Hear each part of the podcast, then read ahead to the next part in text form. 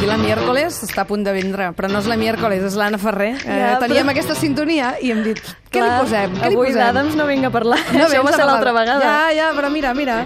No sabem, com venies de negre, així tot Ahà. això molt, molt gòtica, hem pensat que mm, t'esqueia, Bueno, però sempre vinc de negre, això no és, ja ho heu previst. És veritat. Doncs escolta, fins fa quatre dies, eh, el Simpson i Padre de Família eren gairebé l'única cosa que ens venia al cap quan parlàvem de sèrie d'animació d'adults i tu ens Sí. has vingut a demostrar que hi ha una altra vida més enllà de Mart. Sí, bueno, més que una altra vida és que ja hi va existint una altra vida de mica en mica i jo estic molt contenta que existeixi, començant perquè ja hi ha sèries infantils que no es prenen els nens per idiotes i que són d'animació, però els poden veure els Com adults tranquil·lament. Time Adventure, Sí, una hora d'aventures, un Gravity Mhm. Falls, un Steven Universe, i, però a més a més tenim sèries d'animació dirigides directament a un públic adult que des de fa, no sé, unes tres temporades, Tres podríem dir... pleistocens superiors que no passava. Exacte.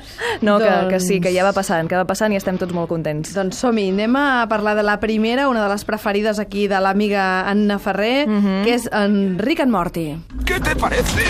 Este vehículo volador, Morty, lo he hecho con trastos que había en el garaje. Vale, Rick, es genial. Esta era la sorpresa. Morty, tenía, tenía que, tenía que, tenía que hacer una bomba, Morty. Tenía que crear una bomba.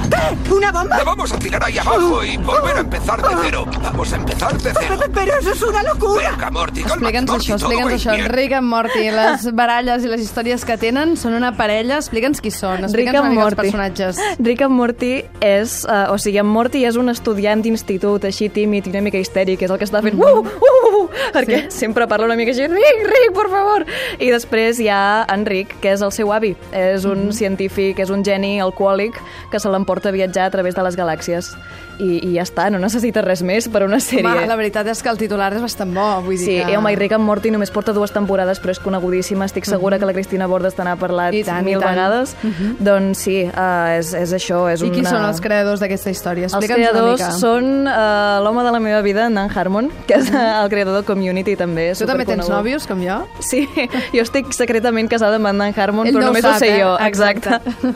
I l'altre creador és en Justin Roland, que és un amic seu, és un molt bon actor, i actor de veu sobretot, i de fet ell és qui fa les veus tant d'Enric com d'en Morty, A la- el doblatge a la veu Original. original, sí. Ahà. I, I és un, bueno, I aquí, per exemple, a, a Catalunya, a, Espanya, Ho on es pot castellà. veure? On es pot Uh, veure? Saps que no n'estic segura? O sigui, està doblada perquè l'acabem de sentir, Sí? però no sé on la fan, em sap Clar, greu. això és que és d'aquesta generació que tots s'ho baixen per no, internet. perquè jo l'he vist, jo vist en anglès perquè m'agrada molt en Justin Roland i mira que, que el doblatge m'agrada molt, però aquí estem. I, i qui- com, com va ser l'inici d'això? Com va Això vindre? va passar, en Justin Roland, el nostre uh -huh. amic de la veu, uh, va fer una paròdia molt tonta i molt passada de voltes de en Doc i en Marty de Regreso al Futuro, que eren bàsicament això, en Rick i en Morty, i aleshores a en Dan li agradava molt i anar-ho parlant i ell anar fent les veus, doncs van acabar-ho convertint en un show boníssim que, que ha fet, bueno, les, és una de les millors sèries de ciència-ficció que haureu vist mai. Ja tenim les, així. les dues temporades. És de... La tercera està confirmada, a està més a més. confirmada, així que Sí, sí. teniu molta teca. Són, no, són llargues? Són com el Soprano? O la No, cosa... que va, són temporades curtes amb capítols curts que uh -huh. te les jales en dos dies i les tornes a mirar el dia següent. O sigui, no hi ha cap mena de problema. Molt bé, doncs escolta, anem a parlar d'un altre, que en aquest cas eh, el protagonista és un cavall. Sí. Qui ho havia de dir? La serie está bien para lo que representaba. No iba en la línea de Ibsen, claro, pero para mucha gente la vida no es más que una patada dolorosa en la uretra. Y a veces, cuando vuelves a casa después de un día largo donde te han dado una patada Aquest senyor que parla, aquest te animal, una té cua. Eh, té buena. cua i vaja de quilòmetre. De fet, no té és en cua. Bojack, no? És No té cua? No té cua perquè una de les decisions estilístiques que es van prendre Va va, ser- ser no et posar cua als animals. No tens cua, tens Sí. un altre tipus de cua. Sí, exacte, Sí. que sí, la fa servir bastant a la sèrie. Eh? Doncs... Explica'ns uh, qui és aquest Vale. Bojack. Bojack Horseman, uh, a part de ser el protagonista de la sèrie, és el títol de la sèrie, i això passa en un món on conviuen els éssers humans i animals antropomòrfics. I aleshores sí, ell és un cavall, la seva gent és una gata, el seu arxienemic és un gos uh, adorable, que la veu original la fa un humorista que m'agrada molt, que es diu Paul F. Tompkins, per tant, tots són bones notícies, però després també conviuen, doncs, uh, hi ha una noia que li escriu, l'ajuda a escriure la seva autobiografia, allò que es fa a vegades, que és humana, i hi ha molts personatges humans. I aquest senyor, aquest cavall, en Bojack, és una estrella de la tele dels 90, sortia en una sitcom d'aquestes nyonyes dolentes, Ara, naturalment, ha passat uh, gairebé A l'anonimat. o no? L'anonimat? Sí, l'anonimat. Ah, I la sèrie comença quan intenta recuperar la seva carrera i una mica posar en ordre la seva vida perquè és un desastre absolut en Bojack. I tota la sèrie va una mica de veure com intenta recuperar-se i torna a caure i torna a intentar recuperar-se. I el que té d'interessant la sèrie, però que també falla una mica, és que se li ha de donar una oportunitat, que els primers capítols fluixeja, en certa manera, perquè tu la veus, dius, és... ho he vist moltes vegades, o sigui, el plantejament és curiós, però aquest tipus d'humor i aquest tipus de dinàmica ja me la conec, encara que siguin una gata Més, i un cavall, ja ho he vist sí. en persones, això. Però a mesura que va avançant es va tornant com més enamorant, no? fosc i més interessant i l'humor es torna més bèstia i poden combinar un xiste de pets amb una reflexió seriosa sobre la depressió i queda bé i no és un dramó en absolut però, però no sé, com que arrelen més els personatges. I això està fet expressament el que passa que el creador no va tenir en compte que el, potser la gent es cansaria abans d'arribar a la part interessant.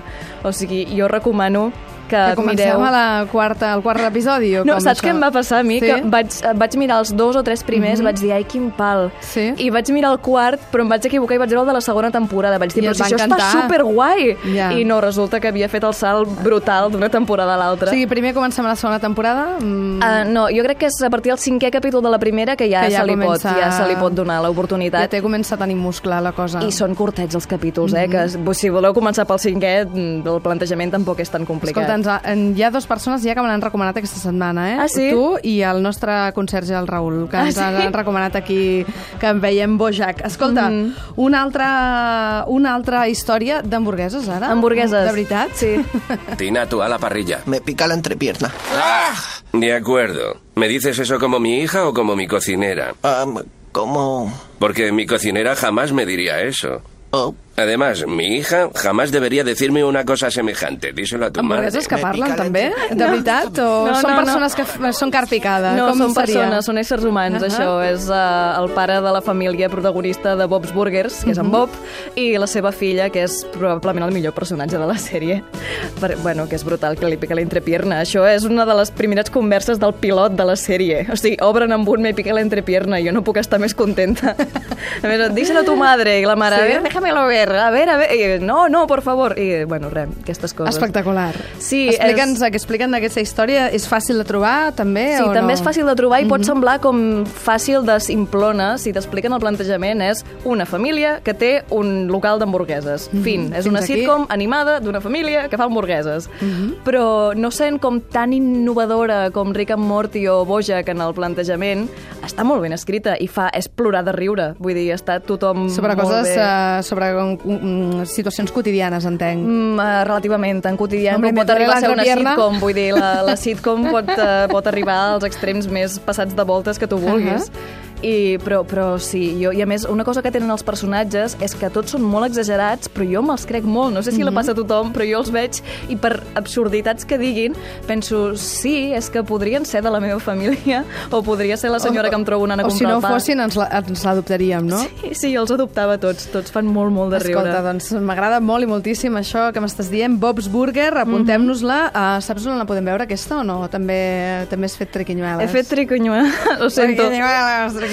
És que, a més, tenen una cosa en comú les tres sèries, és que Sí? hi ha molts actors molt bons fent veus uh, a O sigui que darrere. si, les pugue, si podeu, veieu-les en versió original. No, No, i els doblatges també, pel que he Sí. vist. Sobre, bueno, Rick and Morty no m'agrada tant, però perquè m'agrada molt en Justin Roland. A uh, Bob's Burgers m'ha agradat molt el que he estat veient doblat, però, però sí, és que surten actors que m'agraden molt uh, a la versió original. I n'hi ha uns quants que coincideixen, de fet, a apunt- totes tres. Sí, sí, apunteu-vos aquestes uh, tres històries. Rick and Morty, Bojack i Bob's Burger.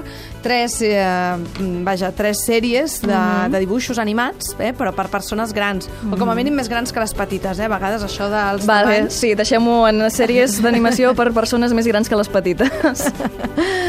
Uh, moltíssimes gràcies, Anna Ferrer. Nosaltres ho deixem aquí i com som gent petita i no volem fer d'estorb, ho deixem fins al dijous que ve a les 9 de la nit aquí a icat.cat. Ja ho sabeu, recordeu, el cabaret elèctric està amb vosaltres i podeu sentir sempre els podcasts, que són la millor manera de menjar allioli cada nit. Uh! Bona nit. Adeu.